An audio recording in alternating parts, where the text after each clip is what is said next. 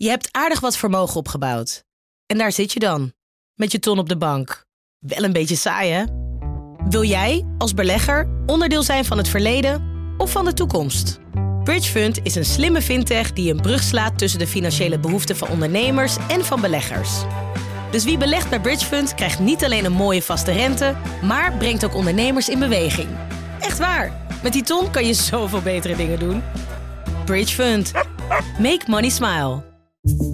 Vanaf de redactie van NRC het verhaal van vandaag. Mijn naam is Thomas Ruip.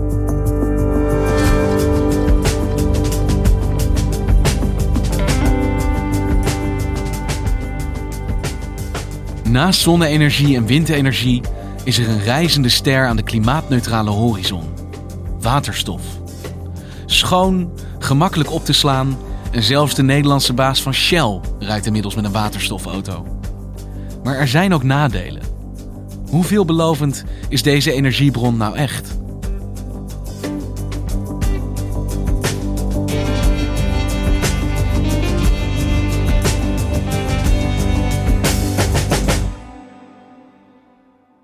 Komende zomer vinden de Olympische Spelen plaats in uh, Tokio. En het zal voor het eerst zijn dat de Spelen volledig waterstof als energiedrager hebben. Erik van der Wallen is klimaatredacteur op de economieredactie van NRC. Dat betekent dat de bussen op waterstof rijden. Dat betekent dat de auto's op waterstof rijden. Dat betekent dat er stroom is via waterstof. Uh, dus totaal geen uitstoot van uh, broeikasgassen. Dus een Olympische Spelen zonder benzine, zonder diesel, zonder gas. Dat klinkt alsof dit dan de schoonste Olympische Spelen ooit moeten zijn. Dat lijkt er wel op. Uh, en dat is ook um, echt een, een, een, voorschot op de toekomst.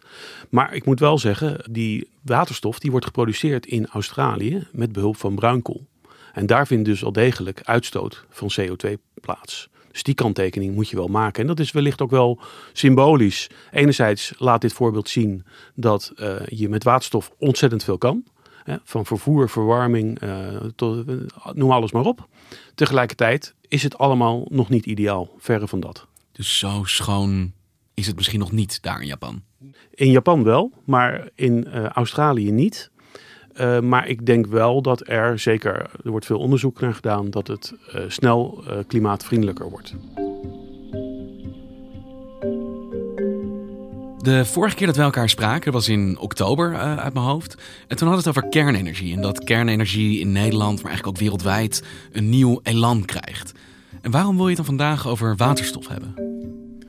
Omdat waterstof toch wordt gezien door veel mensen als een belofte als een, bijvoorbeeld een mogelijke vervanger van aardgas. Want we zijn natuurlijk op zoek uh, naar manieren om de uitstoot van broeikasgassen te voorkomen. En uh, willen eigenlijk uh, fossiele brandstoffen zoveel mogelijk buitenspel zetten. En daarom is waterstof een mogelijk alternatief.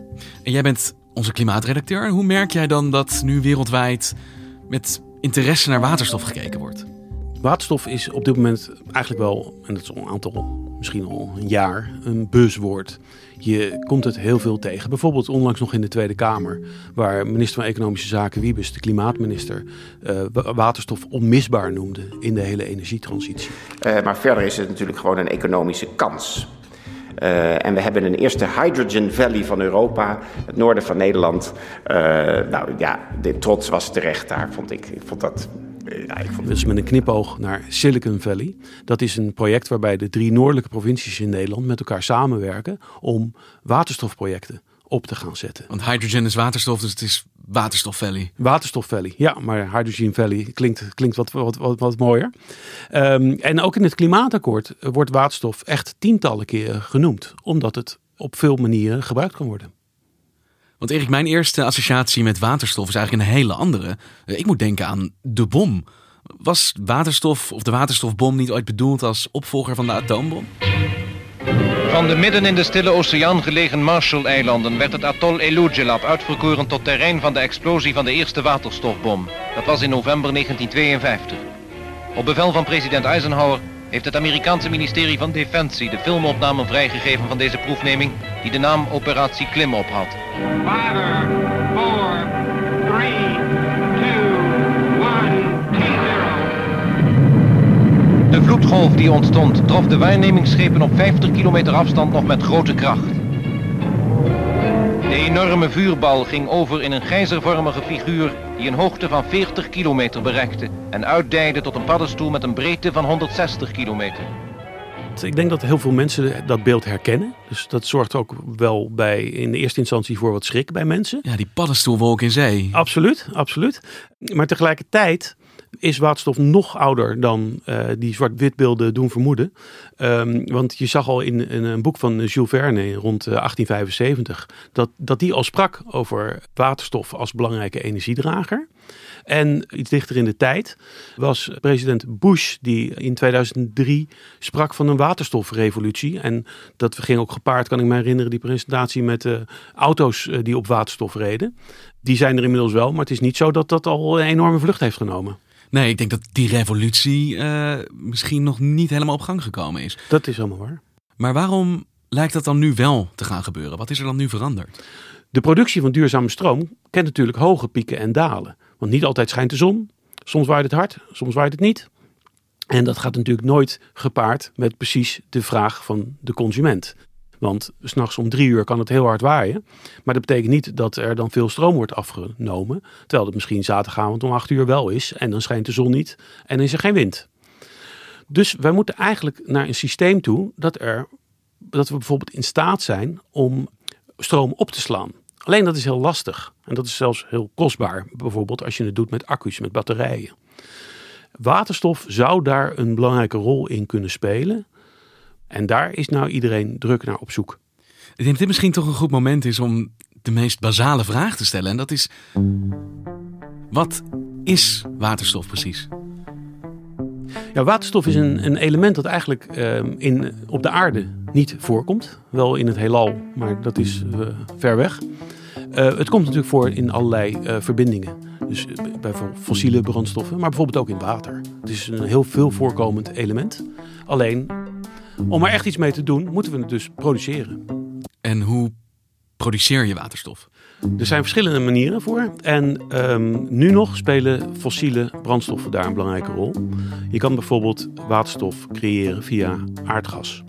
En dan uh, wordt de aardgas wordt met stoom onder druk gebracht en verwarmd. En uh, daar vindt een reactie plaats, waardoor de koolstof en de waterstof gescheiden wordt.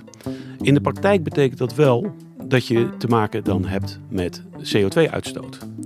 En ja, dan zijn we eigenlijk nog steeds niet verder. Zoals dat voorbeeld in uh, Australië al liet zien. Dan lijkt, het, dan lijkt het schoon, maar dan is het in feite nog steeds niet schoon. Want er komt CO2 vrij bij die reactie. Dus tegelijk met de waterstof creëer je CO2. Precies.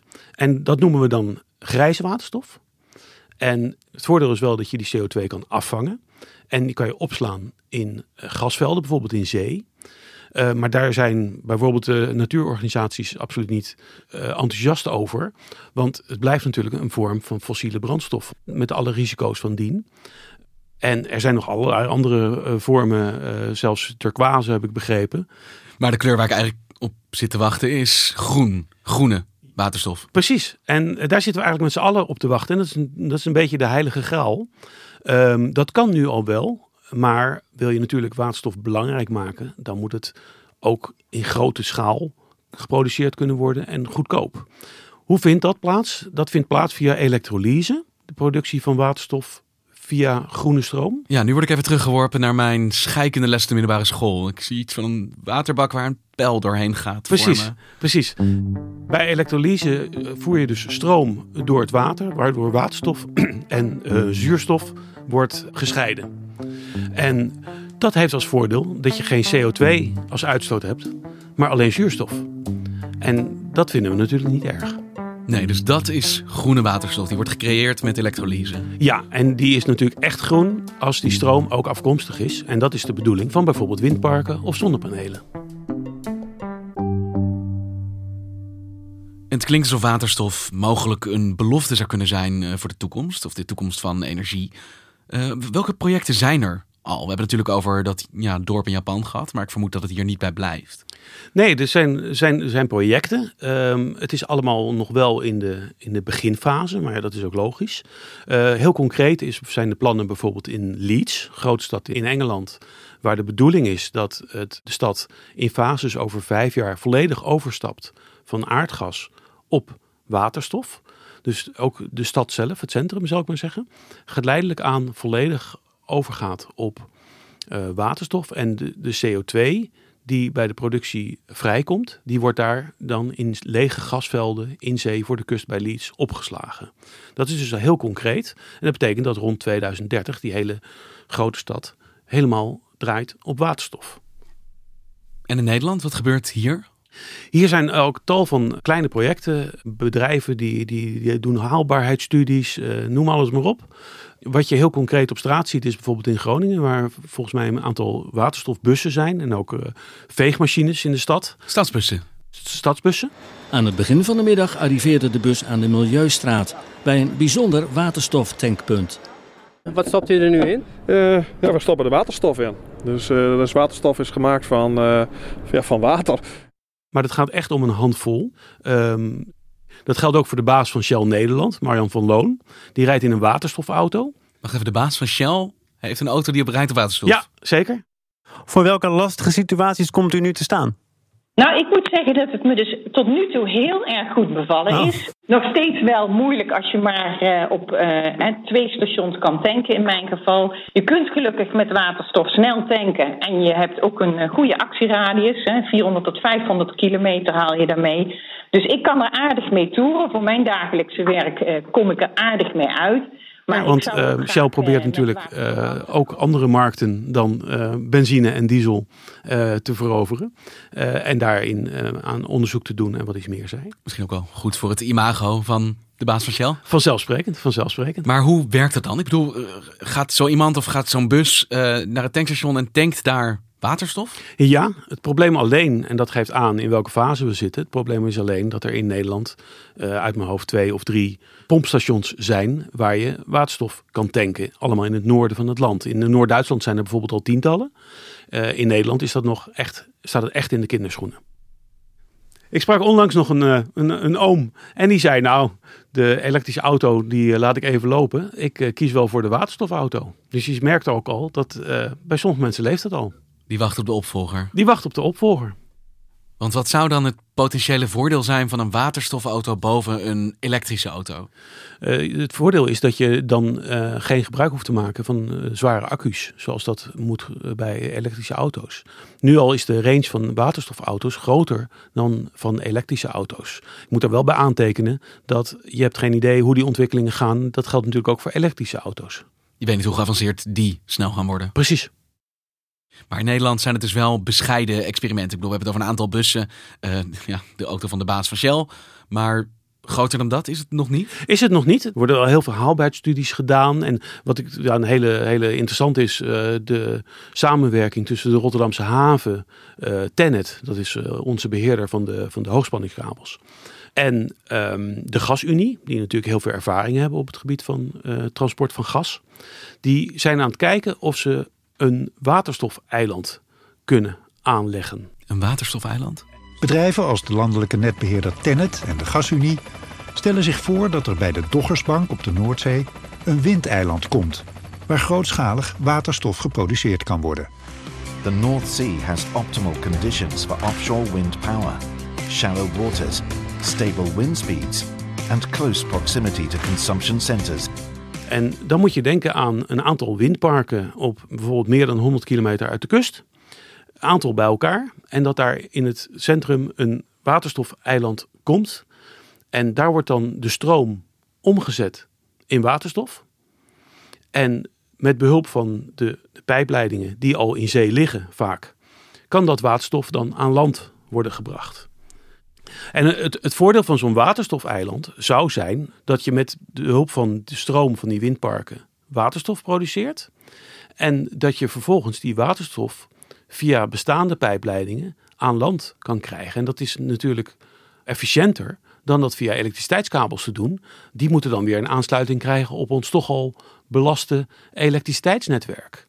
En het voordeel is, daarom zie je ook dat de gasunie meedoet. Het voordeel is natuurlijk dat we in Nederland ontzettend veel kennis hebben over gas, aardgas. We hebben een hele fijnmazige infrastructuur.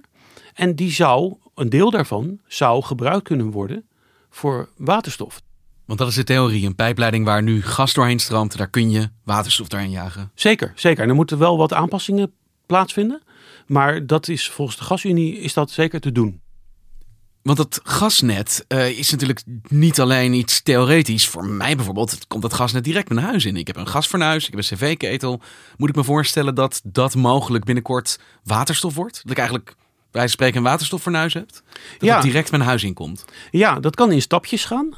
Er zijn nu al cv-ketels die uh, draaien op waterstof in plaats van op aardgas of op allebei. Um, dus daar kan je zeker aan denken. Uh, denk aan het voorbeeld van Leeds. En toch heb ik het gevoel dat er ergens een grote keerzijde moet zijn. Als dit zoveel potentie heeft, waarom gebeurt dit dat nog niet? Wat is dan hier het nadeel? Um, het is niet zozeer het nadeel, het is meer dat we technisch nog niet in staat zijn om op hele grote schaal um, tegen lage kosten dit om te zetten. Hoe komt dat? Um, omdat we er nog, maar nog niet zo lang mee bezig zijn. En daar komt bij dat er op dit moment, en dat zeggen critici ook die eh, naar deze ontwikkeling kijken, die zeggen het is maar de vraag of je zoveel stroom over hebt om dat allemaal maar om te zetten in waterstof. Of er simpel gezegd genoeg stroom is om genoeg waterstof te produceren. Precies. Vandaar ook dat uh, uh, bijvoorbeeld de Delfts hoogleraar Ad van Wijk, die heeft berekend dat het uh, efficiënt kan worden in de toekomst uh, om bijvoorbeeld uh, hele grote windparken in Noord-Afrika te zetten. Hij heeft berekend dat als je 8% van de Sahara volzet met zonnepanelen, dat dat voldoende zou zijn om uh, voor, voor de energiebehoeften van de, de hele, hele wereld. te produceren. Dus niet alleen voor de elektriciteit, maar ook voor de transport, voor de industrie, voor alles. Of anderhalf procent van de grote oceaan met om de kilometer een turbine produceren we ook al die energie van de hele wereld. Dus u moet beseffen, we hebben genoeg, alleen we hebben het niet hier. Hey, en Erik, de potentie, of misschien zelfs de belofte, afgestreept tegen toch ook die nadelen die er wel zijn. Hoe groot schat jij de kans dat dit inderdaad de nieuwe revolutie op het gebied van energie gaat zijn? Waterstof.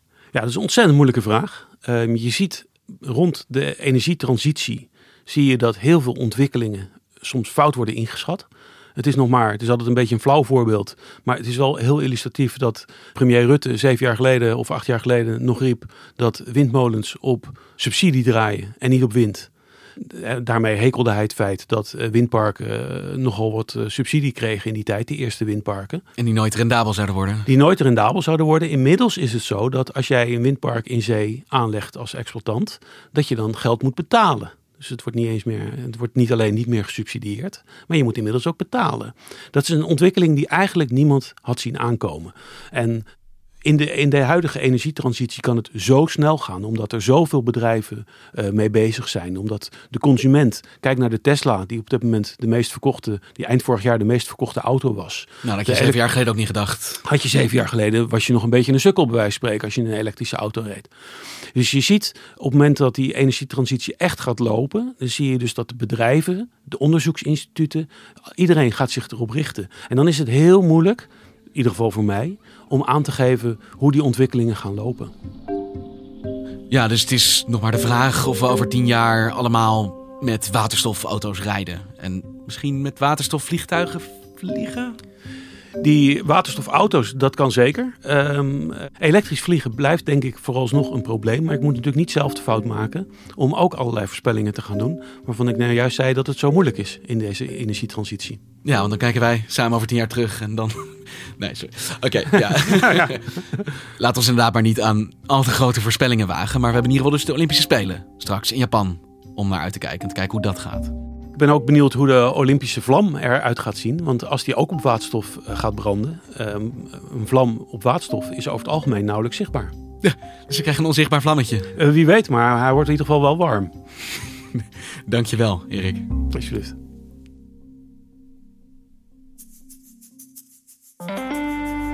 Je luisterde naar vandaag, een podcast van NRC. Eén verhaal, elke dag. Dit was vandaag, Morgen weer.